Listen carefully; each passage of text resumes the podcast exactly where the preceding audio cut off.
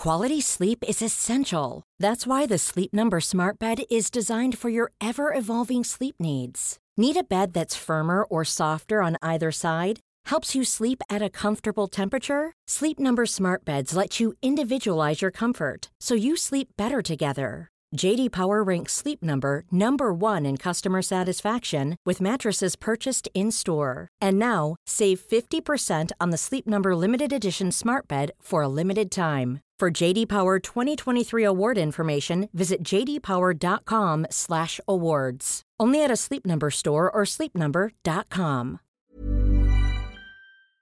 Skit i vad alla andra gör. Alltså sluta jämföra dig, sluta och, och framförallt och jämföra det med en, en målad bild som finns på en eventuell social media. Eh, du ska utgå från vem du är, vad du behöver göra och, och där ska du börja. Och så eh, liksom hitta rätt mängd, rätt träningsformer, rätt eh, kost, rätt mängd av vila och så vidare.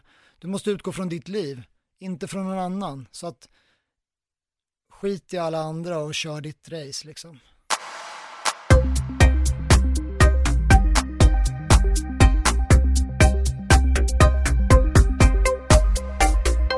Erik Börjesson, välkommen till Polyvire Podcast. Supertack. Härligt! Du och jag har ju liksom korsat vägar under, ja, säkert de senaste mellan 10 och 15 åren känns som att vi ändå har zigzackat varandra till och från du och jag. Precis, typ gått, gått bredvid varandra, vet vem den andra är men inte, inte gått fram och sagt hej. Nej, precis. Och nu ska vi sitta här och, och konversera i kanske en, cirka en timme. Ja, det blir härligt. Ja, Mm. men ja, det är folk som har lyssnat på podden vet att jag jobbar som PT och du och jag har korsat vägar under satstiden. Stämmer. Så du får presentera dig själv lite och vad det är du gör. Yes. Jag är eh, 42 år, bor i Solna med mina två barn. Eh, mitt yrkesliv är ju som tränare eh, eller utbildare eller någonting som är kopplat till, till träning och hälsa. Så jag jobbar fortfarande på Sats eh, som personlig tränare med mina klienter. Jag jobbar som utbildare, eh, idag då för Safe, tidigare för Sports Club, innan det Eleiko. Eh, sen är jag fystränare, AIK innebandy, försöker att eh, sysselsätta mig med lite entreprenörskap, skrivit två böcker, gjort ett eh, familjespel som släpptes för några månader sedan och så vidare. Så att, eh, men allting, eh, den, den gemensamma nämnaren är alltid träning och rörelse. De- då måste jag direkt fråga, vad är det för familjespel? För det visste jag faktiskt inte. Nej, men det, det är en kortlek som vi kallar för Utmaningen. Mm. Eh, som jag gör tillsammans med två klienter. Och, eh, vi, jag, jag tyckte att sociala medier, det, det, det var, det blev, det blev mycket, jag blev taggad i mycket så här utmaningar. Kan du göra den här uh, övningen, kan du göra den här rörelsen och så vidare. Och jag märkte att folk gillade det, att när man la ut sådana, det blev, det blev mycket mycket kommentarer, mycket likes, mycket delningar och så vidare. Så jag tänkte varför inte göra någonting större av det här? Och försökte egentligen göra en bok, så vi hade ett möte med Bonnier Fakta, men de tyckte att det var lite smalt och då tänkte vi så här, men fasen, kortlek då? Vi satsar på det. Och på den vägen blev det och jag är supernöjd idag att det blev en kortlek. Mm, Billigt, smidigt att ta med, enkelt och eh, passar de allra, allra flesta. Vad är det om du tar två utmaningar ur, eh, ur kortleken? Eh, Två utmaningar, det ena kan vara, eller en utmaning är att man ska göra en enbensknäböjning samtidigt som man håller en annan person i handen så att man gör eh, varsin enbensknäböj, till exempel. Sen kan det vara, man ska efterlikna en, eh, en, en pose sådär vi har som, som kan vara yogarelaterade eller liknande. Så att det, allting handlar om rörelse, samarbete, eh, men på olika nivåer. En del utmaningar kräver styrka, andra kräver rörlighet, koordination, balans och så vidare. Och många är då som sagt eh, två eller flera som ska göra. Och man gynnas av att vara stor och liten. Vi ville ha någonting, det började också med att vi, vi ville uppdatera de här, om jag får säga det, tråkiga midsommarlekarna. Du vet, potatis på sked, stafett och hoppa säck och sådär. Alltså, det har man ju gjort i 30 år. Jag tänkte det, det, det finns ju liksom roligare saker att göra. Och det blir ju alltid samma människor som är med. Några tittar på och några är med. Här försökte vi hitta så här att man, man spelar i lag. Lite som Fångarna på fortet. Du skickar in de som du tycker är lämpade för den här utmaningen. Samma i det här spelet. Man spelar i lag. En, två eller tre stycken som är lämpliga för att klara av det skickar du fram för att, för att sätta utmaningen. Sen behöver man inte spela alltså, som en tävling. Du kan göra det eh, fredagsmyset med familjen. Alltså, ja, försöker, vi försöker klara av fem utmaningar. Någonting annorlunda, någonting för att jobba med det här, rörelseglädje och, och att man faktiskt börjar göra saker ihop igen och inte sitter bara med sina mobiler. Nej, jag tänkte på så här, sitter ihop med quizkampen och bara ja, sitter och klickar, tumrörelse. Exakt. ja, men, eh, jag vet inte, vi har fått väldigt bra feedback eh, både från skolor, idrottsföreningar, eh, arbetsplatser som kör som en eh, teambuilding-aktivitet och, och, så vidare. Så att, eh, ja, vi, vi är jättenöjda med, med responsen. Ja, det låter verkligen så applicerbart på allting. Det låter till och med som en sån här grej, bara man drar med polaren till gymmet så kan man liksom kolla lite i kortleken ja. och få inspiration och göra någonting Absolut. nytt kanske. Det, det, det, är som en, man ska se det, jag brukar tänka att det, det är en rolig grej. Det kanske inte, det, ska inte vara träning, du ska inte behöva byta om utan du ska kunna göra det var som helst. Men det kan också vara träning. Att göra de här äh, utmaningarna kommer leda till att du utvecklar din fysiska förmåga. Så att träning utan att vara träning. Mm. Så. Ja, jag, är så, jag blev faktiskt lite såld. Du, du, du pitchar den väldigt bra, måste jag säga. Ja, men det är lite fint. men jag måste fråga om böckerna också. Du hade skrivit två stycken sa du? Ja, jag har skrivit två böcker. En, en uh, bok som kom för fem sex år sedan som handlade om uh, där, uh, självmassage eller sportmassage eller foam rolling eller vad man nu vill kalla det. Som var väldigt i ropet för en sex sju åtta år sedan. Så vi gjorde en bok med ett förlag där eh, och sen så för ett par år sedan så skrev jag en bok om eh, mobilitetsträning, rörlighetsträning. Mm.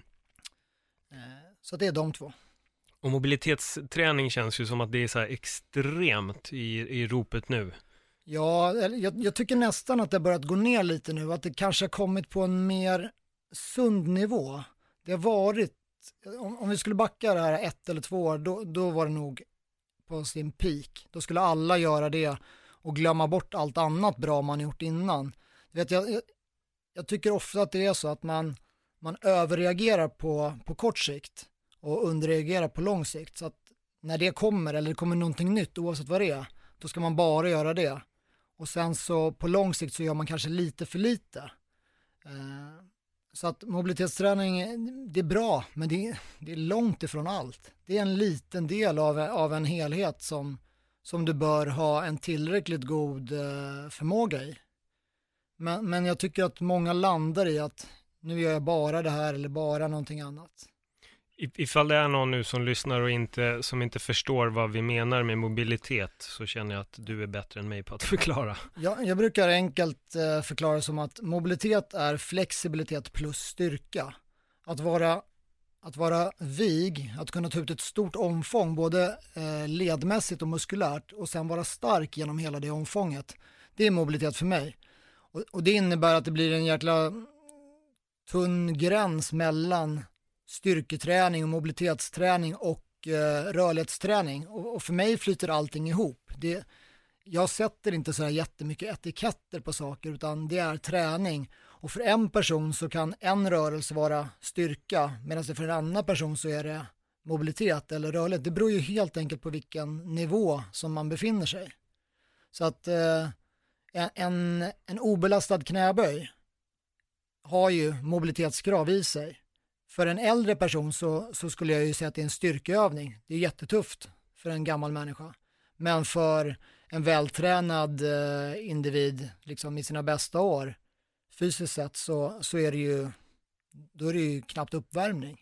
Så att, så att rörelser och övningar måste ju sättas i, i en kontext för att man ska kunna bedöma vad är det här. Men enkelt, flexibilitet plus styrka.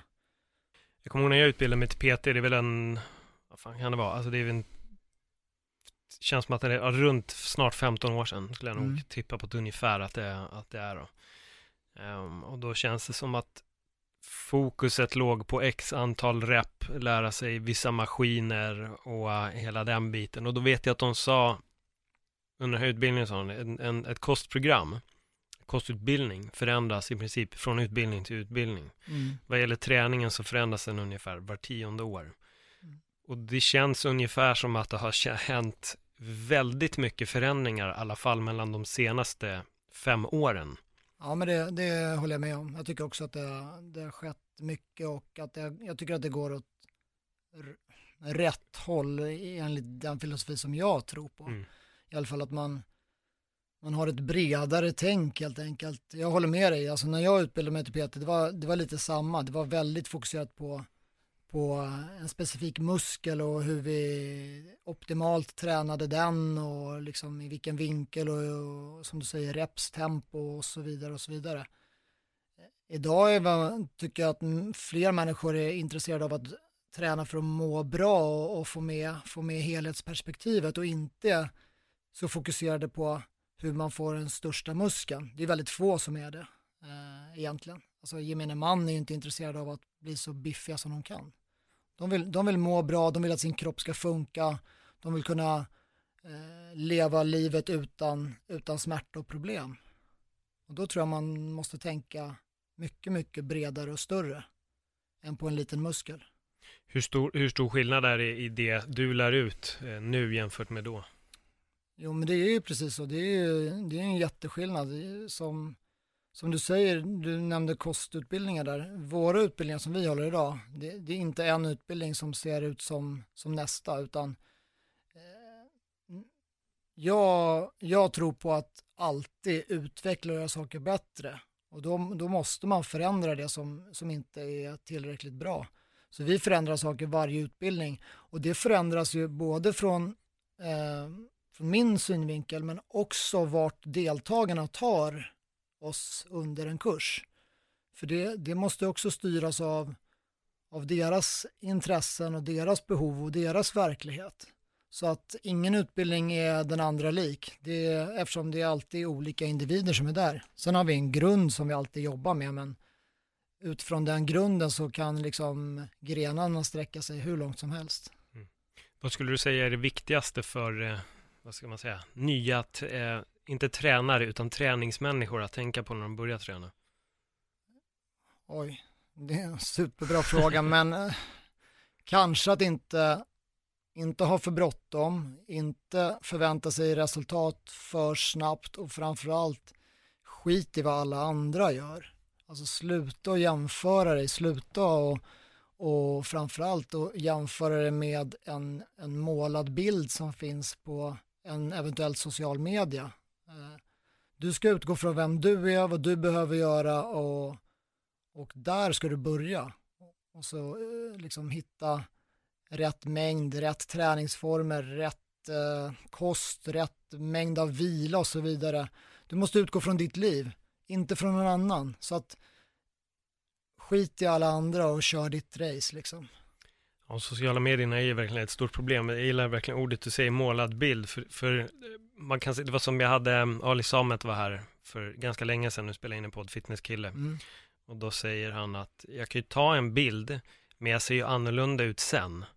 Mm. Att det förändras verkligen, men med rätt ljus, rätt vinkel så får man verkligen de här perfekta bilderna. Och jag tror att både killar och tjejer, får jag nog ändå säga, påverkas av hur de kan se vissa personer, att de tror att de ser ut så hela tiden och så söker de den här perfektionen på något sätt som ändå inte finns och vi kommer liksom aldrig riktigt uppnå den heller, men vi jagar den konstant. Ja, ja, alltså eh, det, är väl, det finns, det är väl två, det, det, finns väl en bra grej att man alltid försöker att utvecklas och bli bättre, men, men jag tror att man ändå ska göra det med, med ingångsvärdet att inte, inte jämföra sig med vad någon annan är, för du kan inte vara någon annan människa, du måste vara dig själv såklart.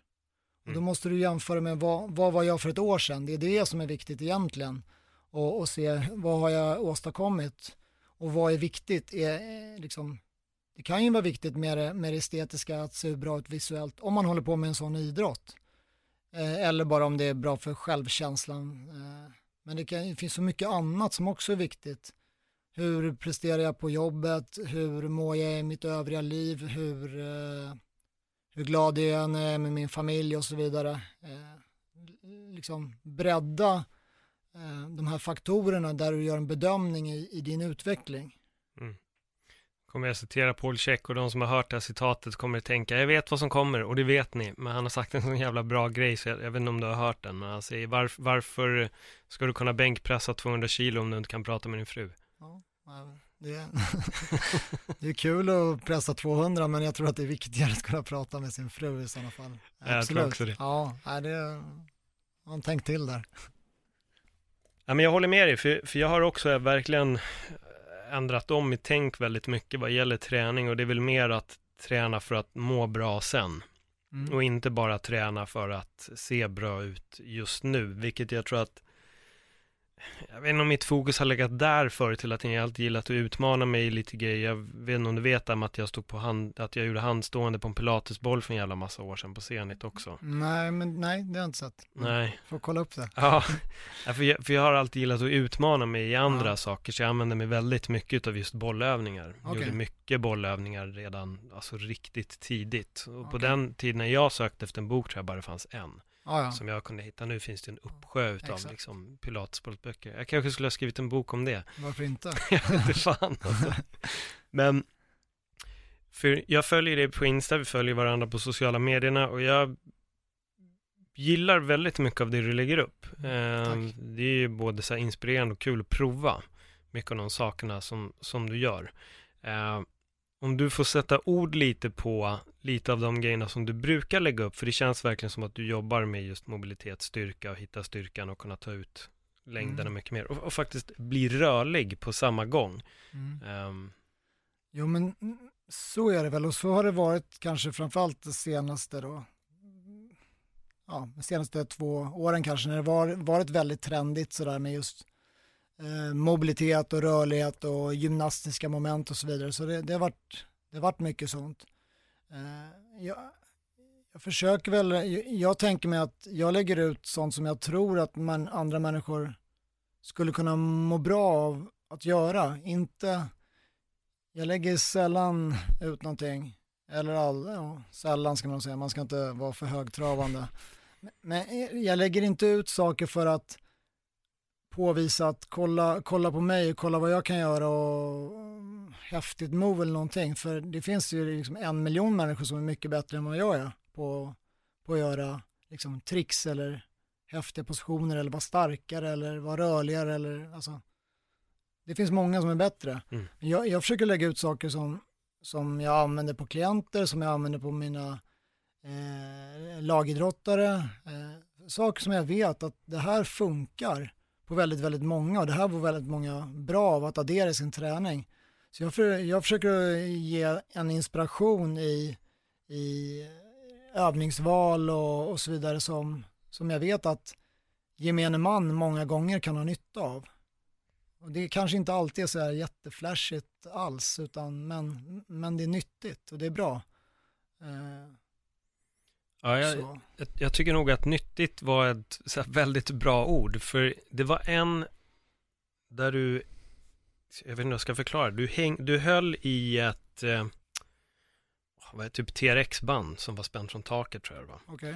Och så låg du liksom i sidled. Ja, ja. Så att du jobbade upp liksom sidan och den, den känns ju också, det är verkligen, där tycker jag verkligen man lägger betoning på nyttigt. För att ja. där har vi så jävla mycket muskler som är stela, kvadratslomborum, alla grejer liksom ländryggspartiet. Mm. Och när du gör den så kan ju det också vara en smärteliminerare i slutändan, att den Absolut. också tar bort dina smärtor. Ja, så är det. Eh, om, jag, om vi tänker på samma så, så är det en övning, den heter Copenhagen Hip Adduction Mm. Där man ligger sidliggande och lyfter upp höften och sen så försöker man liksom att knipa ihop benen också. Och den, den är jättebra som du säger för, för ländryggskomplexet men också superbra för uh, ljumskarna. Det kan man se i studier att man lagidrottare som använder den övningen hade 41% lägre skadefrekvens på, på uh, ljumskpartiet. Jaha. Av att göra ett set 15 reps per sida. Det är ungefär en investering på en och en halv minut. 41% lägre risk för problem. Alltså att inte använda den övningen som en lagidrottare då. Det här var gjort på fotbollsspelare. om vi då säger inte använder den som fotbollsspelare, det, det är ju att vara ignorant och, och lite eh, korkad. Mm. För det, det är ett stort problemområde. Absolut. Så att eh, liksom... Fast, och, och, och, förlåt, men vad säger folk när du visar den här övningen innan de får veta kanske faktat bakom den? Nu tänker jag då på lagidrottare. lagidrottare, de, de gör som man säger, de tänker inte så mycket. Sorry alla lagidrottare, men eh, de gör som man säger. Men de flesta, både vanliga klienter och eh, idrotts, idrottspersoner som jag har, de tycker att det där är ingenting. Eh, mesig övning. Och sen så har de svårt att klara en repetition på ett, på ett liksom, tekniskt bra sätt.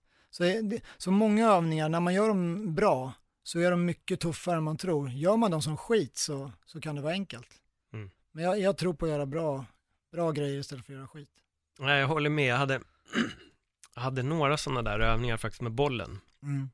Som kunde se så enkla ut, men det var ju för att jag kunde dem. Såklart. Så, så fort de andra provade så gick det ju inte. Jag minns också, jag började tänka på ett i klipp från en av parkerna i New York. Där är en kille som visar hur man gör en human flag. Ja. Och då säger reporten liksom, okej okay, men vad då är det bara liksom att spänna kroppen eller? Han bara, ja, ja, och det gick ju inte. Och jag fick en liknande grej på gymmet också där en kille frågar, är det bara att hoppa upp? Ja. Och då sa jag, ja, väldigt enkelt förklarat, ja, ja. sa jag. Ja. Och han hoppade upp och det gick åt helvete och då började han garva. Han bara, jag, jag, får nog träna lite på det här. Jo men det är just det, allting, alltså folk som är bra, de har ju förmågan att få det så enkelt ut. Ja. Det är samma, tänk, marklyft, är det bara att lyfta stången? Ja, mm. problemet är att det just nu ligger 200 kilo på den så att det är problemet, att du är för svag, men du har rätt, det är bara att lyfta den. ja men det är så att det är en konst att få det så enkelt ut. Det är ja. bara de, de vassa som gör det. Och just när du ändå nämner marklyft, det tycker jag verkligen är en övning som många håller på med och gör en helt fel. Och de är så orörliga att det spelar ingen roll vilka direktiv de ger personen, de kommer inte klara den ändå. Mm, ja, så kan det vara. Alltså, det är många människor idag som, de har ju begränsningar. Men, men allting går alltid att lösa, liksom, det finns ingen som har bestämt, så länge du inte ska tävla i marklyft, så måste du inte lyfta stången från marken. Då kan du ju lyfta stången mm. från bockar eller någonting. Och lyfter du den från bockar eller från, från knäna, då, då kallas det för kronlyft mer eller mindre. Det, det kan alla människor göra, oavsett så stel. Jag tror inte att det finns någon som är så stel, men man börjar där och sen så tar man en centimeter i taget, lite djupare ner, lite djupare, lite djupare, om det är viktigt. Man måste ju först bestämma, är det viktigt att du ska lyfta stången från marken?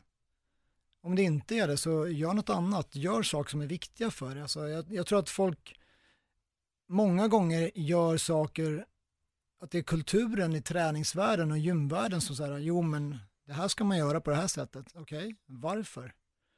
Och så finns det inget svar på frågan varför.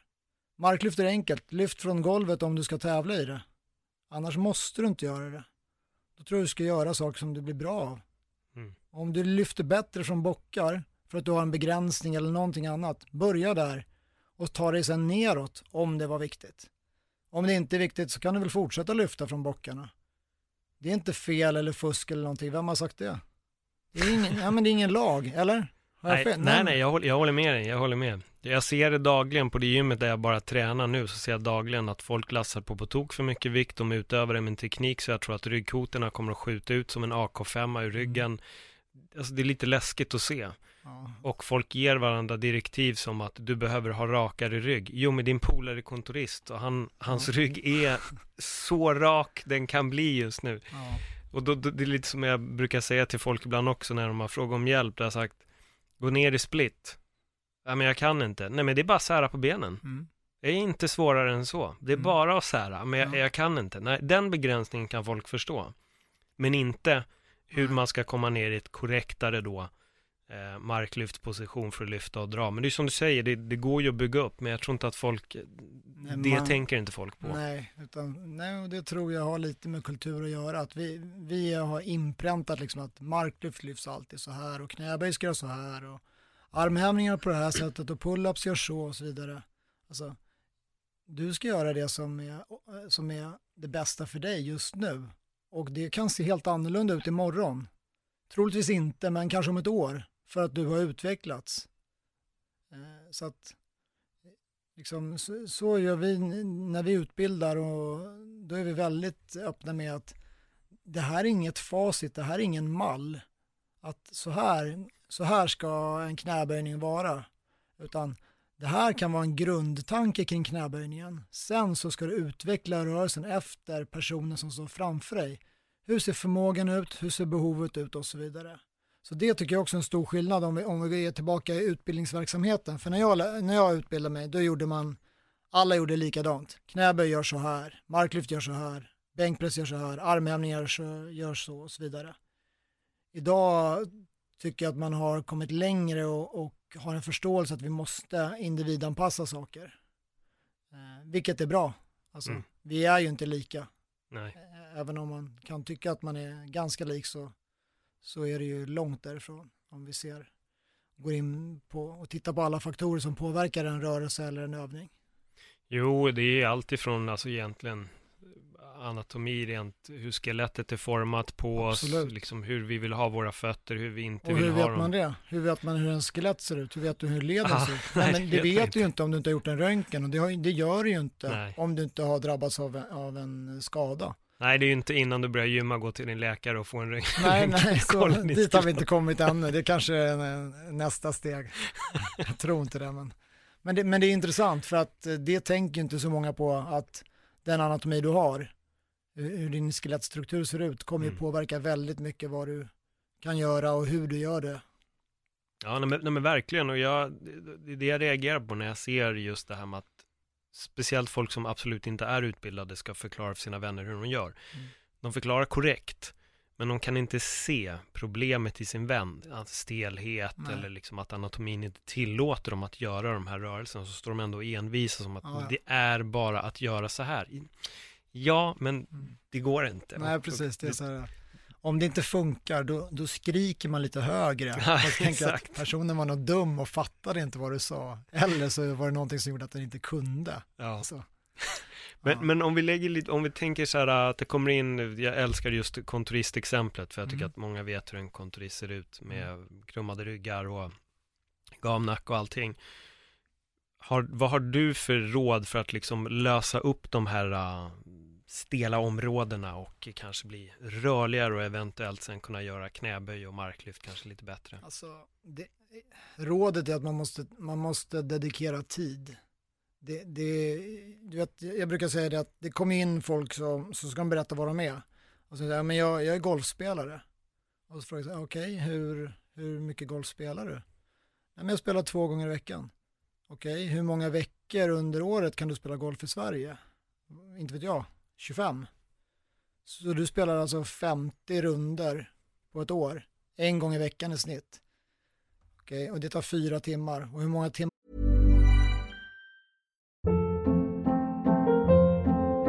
Hold up. What was that? Boring. No flavor. That was as bad as those leftovers you ate all week. Kiki Palmer here, and it's time to say hello to something fresh and guilt-free. Hello Fresh. Jazz up dinner with pecan-crusted chicken or garlic butter shrimp scampi. Now that's music to my mouth. Hello Fresh. Let's get this dinner party started. Discover all the delicious possibilities at hellofresh.com. Quality sleep is essential. That's why the Sleep Number Smart Bed is designed for your ever-evolving sleep needs. Need a bed that's firmer or softer on either side? Helps you sleep at a comfortable temperature? Sleep Number Smart Beds let you individualize your comfort so you sleep better together. JD Power ranks Sleep Number number 1 in customer satisfaction with mattresses purchased in-store. And now, save 50% on the Sleep Number limited edition Smart Bed for a limited time. For JD Power 2023 award information, visit jdpower.com/awards. Only at a Sleep Number store or sleepnumber.com. Man sitter på kontoret, ja 40. Vi lägger 40 timmar i en vågskål, fyra i den andra. Du är inte en golfspelare. Du är en kontorsarbetande människa. Det, och det är den du måste sträva efter. Du ska, inte, du ska inte träna för den här lilla, lilla stunden. Du ska träna för livet. Och ditt liv är kontorsarbetare inte golfspelare. Även om du vill ha den etiketten så är du, du är inte det. Så. Och då ska vi träna för att göra livet enklare. Och då, då tror jag man, man, man måste lägga tid. Är det någonting som du behöver bli bättre på för att kunna vara effektivare eller slippa problem, då är det tid. Lägg de här 40 timmarna på kontoret i en hög. En timme på gymmet, den timmen, den ska vara jävligt bra om det ska ha någon som helst påverkan på livet.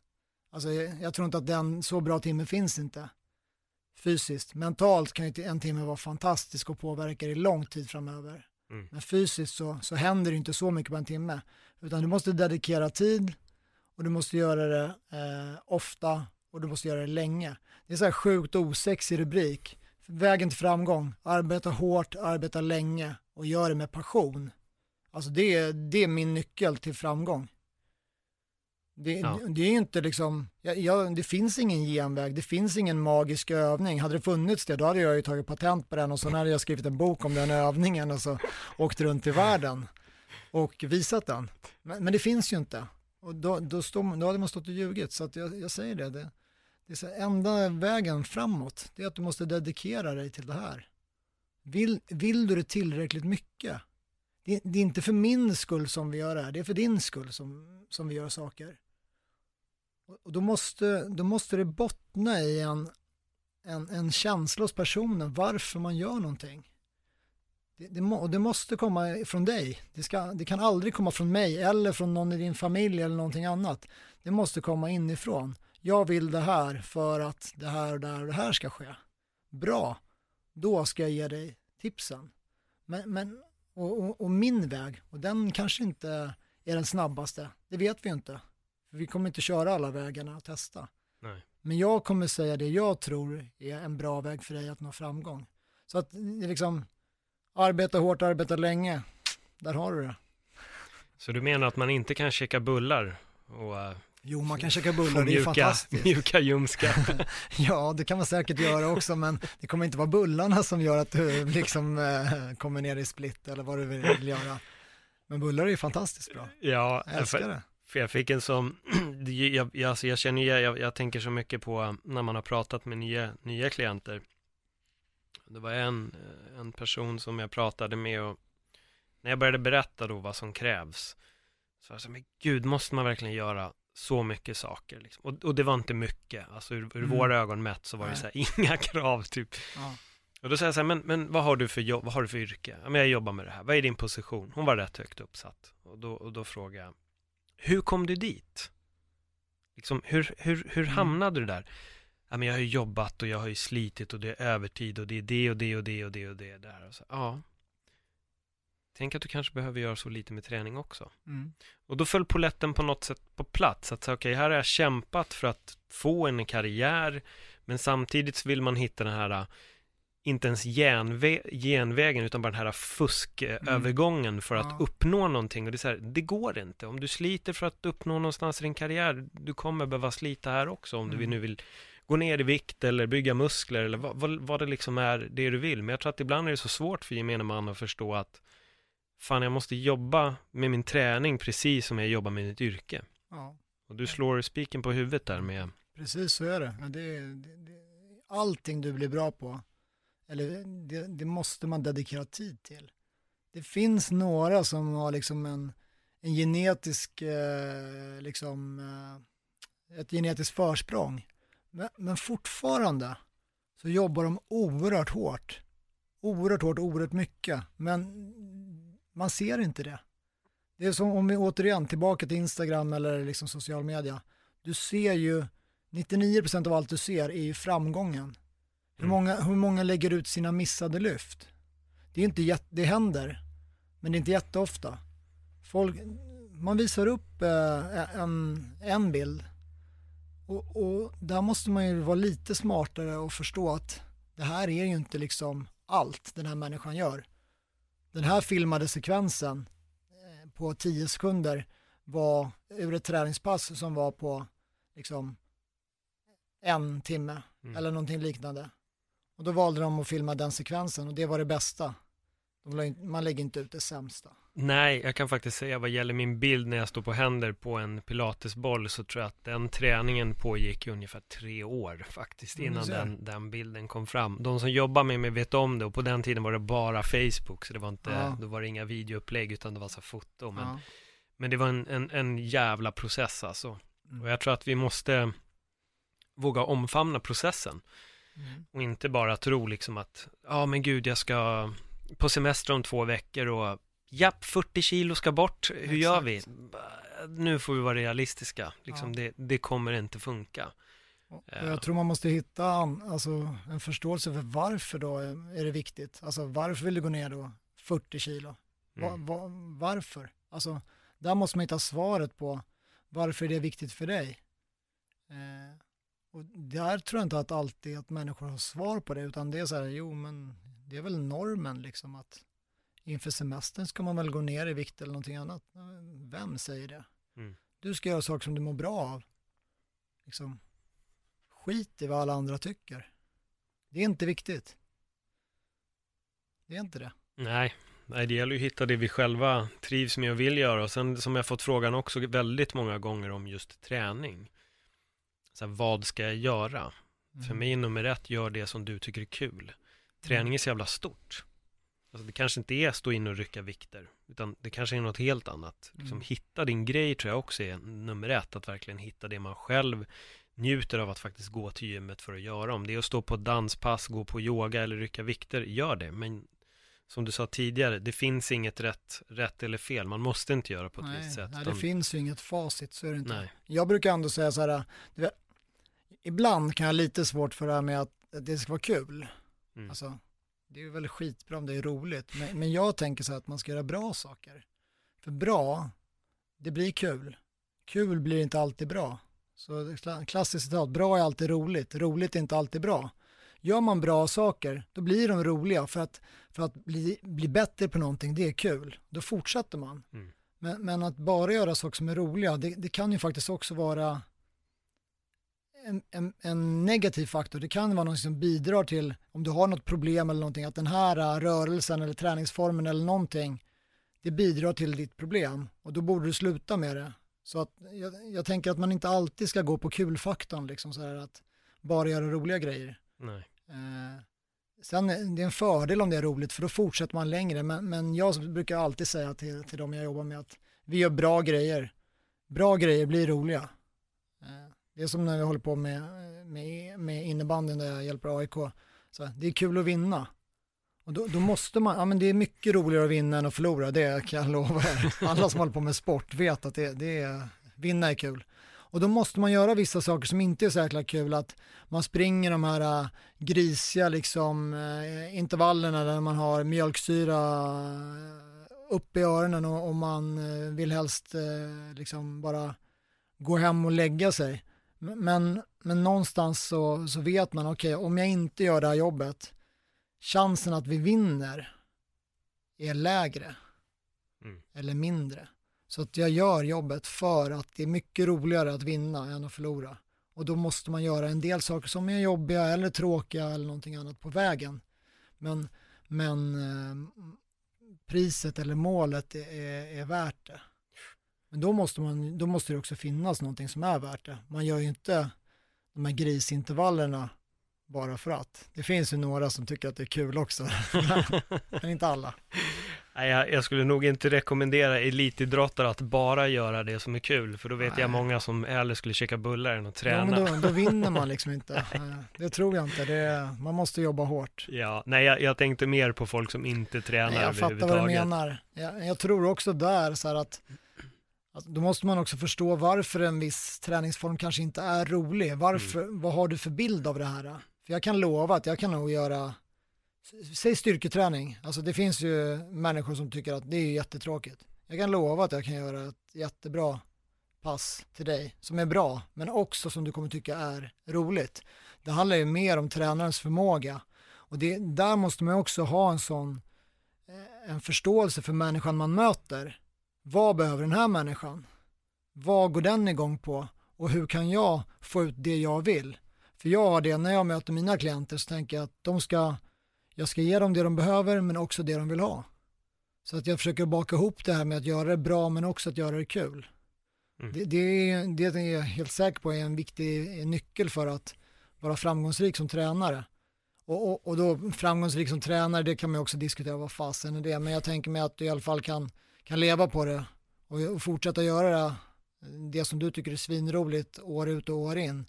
På något sätt är det ju ändå ett, kvitto på att ja, du är inte sämst i världen. Eh, och folk kommer tillbaka. Och ja, nej, nej. Eh, och då, måste man, då tror jag man måste ha det där, för om du bara kör ditt race, här, ja, men det, vi ska bara göra det här, eller vi ska bara göra det som klienten vill, då, då tror jag att till slut så slutar klienten, varför ska jag träna med den här tränaren, det är ändå jag som bestämmer. Mm. Så att eh, hitta den medelvägen, ge dem det de behöver men också det de vill ha.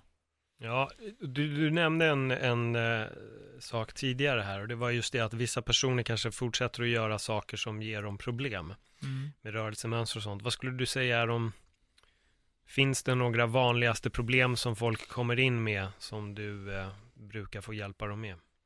Ja, men alltså vanliga problem idag är ju eh, ländryggsproblem. Eh, eh, problem nack, ländrygg, nacke, axlar, eh, kanske en del knän också. Det är de områden där jag upplever att folk har mest bekymmer. och, och en, en del i det är absolut doseringen i det de väljer att göra. De gör för mycket av någonting som inte är bra för dem. De gör för mycket av någonting som skapar ett problem för, just för den här stunden.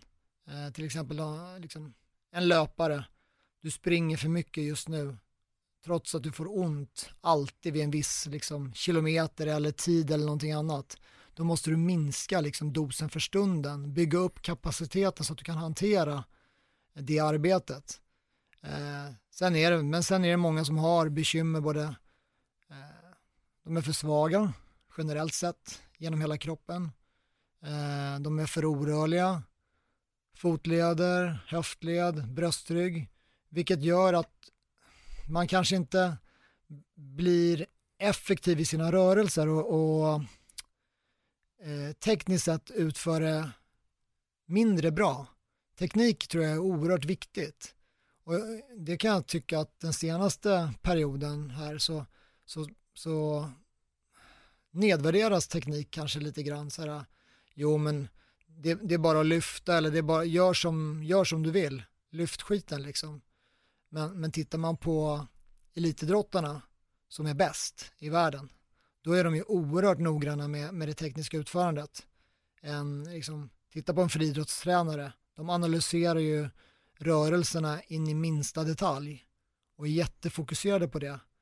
Eh, jag tror att eh, tekniken är, är viktig. Att göra det på ett så effektivt sätt som möjligt. Effektivt innebär att du kan prestera men också att du riskerar så lite som möjligt. Så att jobba med, med dina eh, förbättringsområden där du har potential för att bli bättre och det kommer vara olika för alla. En del är det styrka, en del är det Eh, rörlighet och för andra är det en förmåga att kontrollera den rörligheten som vi kan kalla för stabilitet kanske. Ja men du har rätt, men, men hur gör man om man är eh, ensam på gymmet för att få bukt på sin teknik då? Ja det, då, det är svårt, alltså mm. då, då får man ju, det enda alternativ du har är ju att filma och titta på filmen om du vill analysera tekniken för du kan inte analysera teknik i ett lyft samtidigt som du utför det det, det är en anledning till att alla i världen har en tränare idag. Alltså alla idrottare. Mm. Alla i världen har det inte men alla idrottare har en tränare för det, det går inte att eh, analysera ett lyft samtidigt som, eller en rörelse samtidigt som du utför den. Men, men rent krast så kan man ju börja så här. Om du fortsätter att utvecklas och att du får framgång med det du gör, fortsätt. Då har du ju absolut, då har du i alla fall inte nått din, din buffert eller din potential. Däremot händer ingenting trots att du dedikerar tid till träning. Då måste du göra någonting. Och, och då, då kanske man måste ta hjälp av någon som har en högre kunskapsnivå än en själv. Det måste ju inte vara en tränare. Det kan ju vara, eh, det finns ju mängder av människor som kan mycket men som inte jobbar som tränare. Så att eh, be någon du litar på, som du tycker har en eh, god kompetens i det du vill göra, om hjälp. Eh, jag vet inte annars hur man ska göra. Nej. Nej, den är, den är knepig, men det är därför jag också... Ja, ja den är ju supersvår. Det är, oavsett vad man vill bli bra på liksom, Mm. det, så måste man ju titta. Alltså också titta på, an, titta på folk som lyfter bra, eller som springer bra, eller vad det är nu du ska bli bra på. Se människor som gör rörelserna ansträngningslöst, effektivt. Att se är också, det tror jag faktiskt är bra. Mm. Det tror jag kan hjälpa mycket. Att, Okej, det är dit jag ska.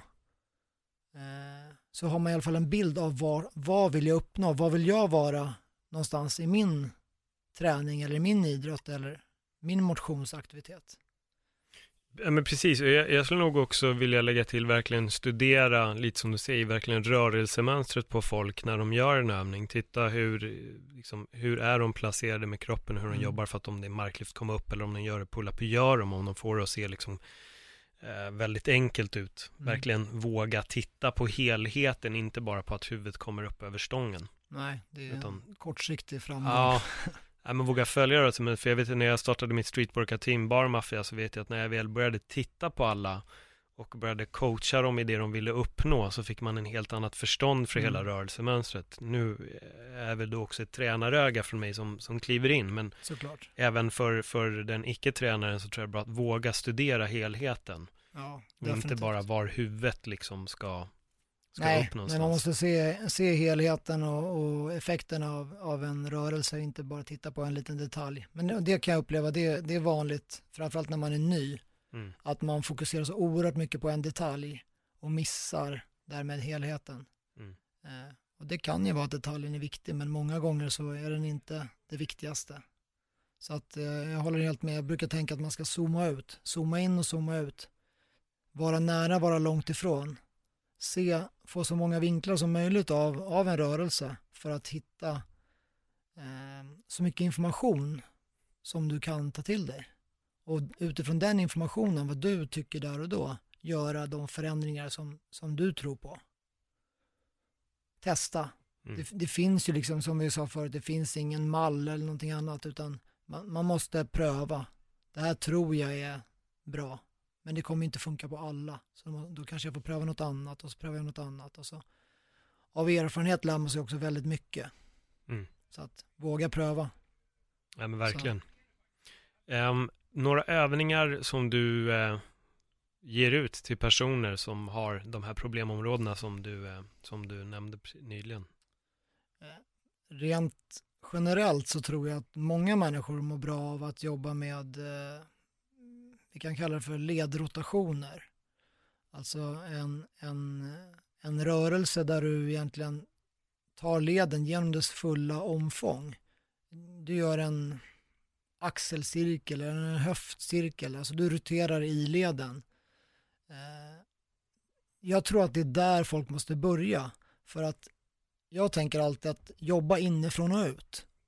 Om inte leden fungerar på ett så bra sätt som möjligt, då kommer du få begränsningar på grund av det. Om du inte tar hand om huvudorsaken så kommer det bara bli en symptombehandling. Du kanske väljer så här, okej du ska stretcha den här muskeln för att den upplevs stel. Men varför är den stel eller tight eller eh, vilken benämning du nu vill ha? Jo, den kanske är det för att leden inte rör sig så bra som den skulle kunna. Så börja med leden. Se till att lederna får så bra funktion som möjligt.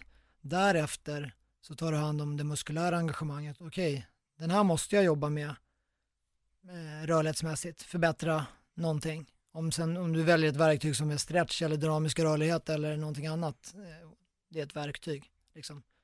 Du kan slå i en spik med olika sorters hammare också. Eh, så att eh, jag, jag börjar alltid, och det, det borde alla människor göra, jobba med ledrotationer. Problemet är att man inte kan göra det när man går till gymmet, bara. Du måste göra det varje dag. Om du vill att du ska fungera bättre i ditt liv. Alltså, jag tränar inte för att få framgång de timmarna jag är på gymmet. Jag, jag kan tycka att jag tränar ganska mycket i jämförelse med gemene man. Jag kanske tränar, jag försöker att träna varje dag. Jag får inte riktigt till det, men jag försöker träna någonting varje dag. Men det är, det är sju timmar på en vecka av 168 om jag inte är superdålig på, på huvudräkning nu. 7 av 168, det, det är jättelite tid.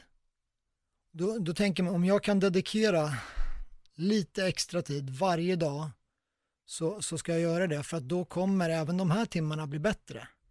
Jag, jag älskar tigrar. Alltså, kan du, kan du ge mig ett coolare djur än en tiger?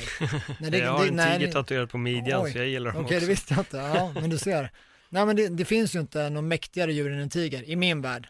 Någon annan kan ju tycka att det är en ödla eller en fjäril eller någonting annat. Men jag, jag gillar tigrar, jag, jag gillar det de utstrålar. Men, men, men, om man går till kattdjuren, vad gör ett kattdjur så fort de vaknar? Ja, de stretchar direkt. De sträcker på sig och tänjer ut till, till max och sen, bam, de är redo att gå. Mm. Vad, gör, vad gör människor när de vaknar?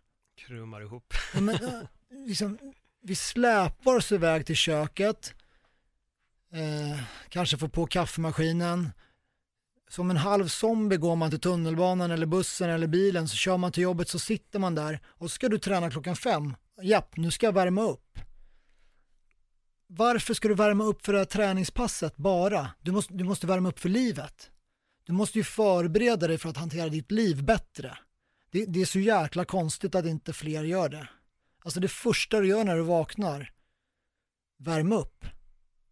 Förbered dig för det liv som du lever för att hantera dagen bättre. Om du kan hantera hela din dag bättre så kommer ju det ge dig mer framgång än den här lilla timmen på gymmet. Så jag är liksom upp på morgonen, ledrotationer, fem minuter. Kan du ge mig fem minuter varje dag? Det kan du ju. Ja, jag ja. Ja, ja jag gör det. Jag ja, gör bra. Det. Men, sen, men kan du hitta någon människa som inte kan göra det? Mm. Den människan behöver ju hjälp med sitt schema och sitt liv. Om inte du kan investera fem minuter på morgonen, då är det strul. Mm. Alltså, ge dig själv de bästa förutsättningarna att bli den bästa versionen av dig själv. Alltså, det, det är så konstigt. Jag värmer upp fem på kvällen, sex på kvällen. Idioti. Det första du gör. Sätt igång och, kroppen. Och är det så att de måste åka till jobbet så kan de ju också gå, gå på toaletten och låsa in sig i fem minuter och säga att de har ja, gjort något annat. Ja, exakt. Men, liksom, alla har tid. Det är bara att det, man måste bryta den här barriären. Jag, jag fattar också, det, det är skönt liksom att ligga kvar i sängen, speciellt en sån här årstid i Sverige när det är kolsvart dygnet runt. Men, men vad fasen, se det längre. Ta ansvar liksom för din egen fysik, din egen kropp, din egen hälsa. Mm. Det är bara du som kan göra det. Det är ingen annan som är ansvarig för det. Alltså vem vill, vem vill leva sitt liv när man är gammal och vara inaktiv och sitta stilla eller liksom bli beroende av hjälp? Det, det är jättetragiskt. Många hamnar ju där. Och sen så, det kan man säga, det är klart att inte alla, det handlar inte alls om att de inte har tränat tillräckligt mycket, det finns ju mycket andra problem som styr sånt. Men jag kommer i alla fall göra allt jag kan för att när jag är gammal kunna vara så självständig som det bara går. Det, jag tränar för livet. Jag tränar för att kunna leva ett så bra liv som möjligt och ett så långt liv som möjligt med så mycket rörelse som det går. Jag tror att det både fysiskt och mentalt är superviktigt. Så jag, jag tränar för att eh,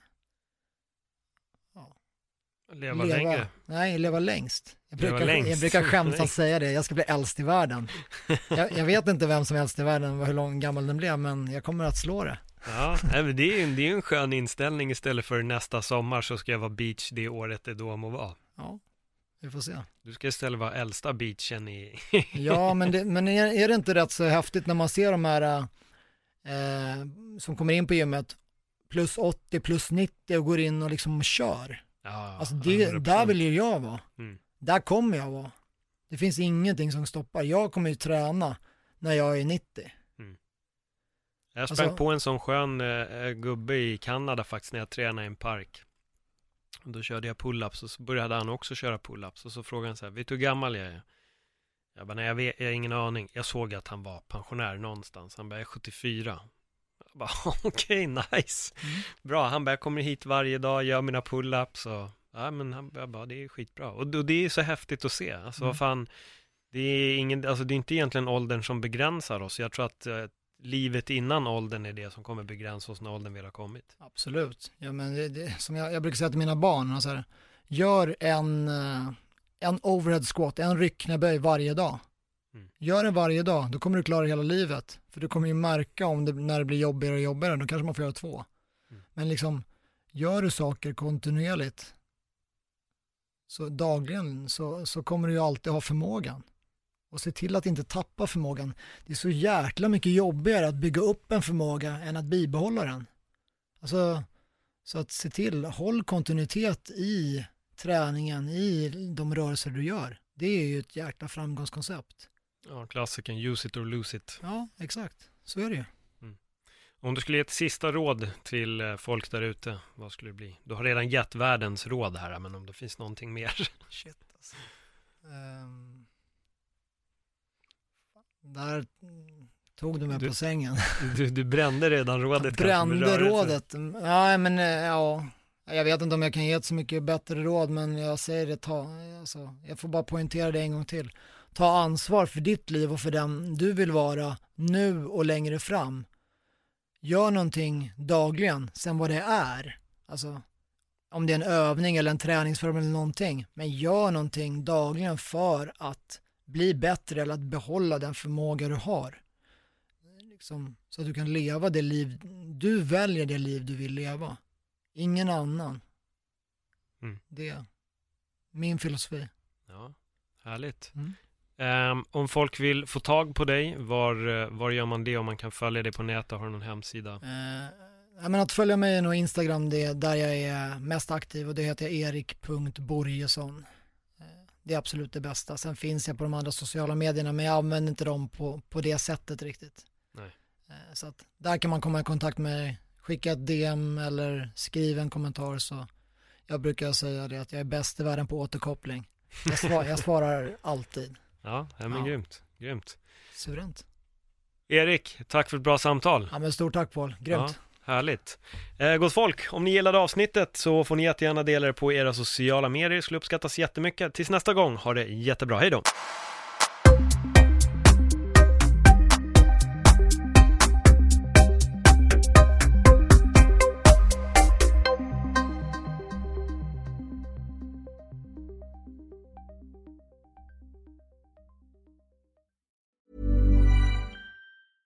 Ever catch yourself eating the same flavorless dinner three days in a row? Dreaming of something better? Well, HelloFresh is your guilt-free dream come true, baby. It's me, Gigi Palmer. Let's wake up those taste buds with hot, juicy pecan-crusted chicken or garlic butter shrimp scampi. Mm. Hello Fresh. Stop dreaming of all the delicious possibilities and dig in at HelloFresh.com. Let's get this dinner party started.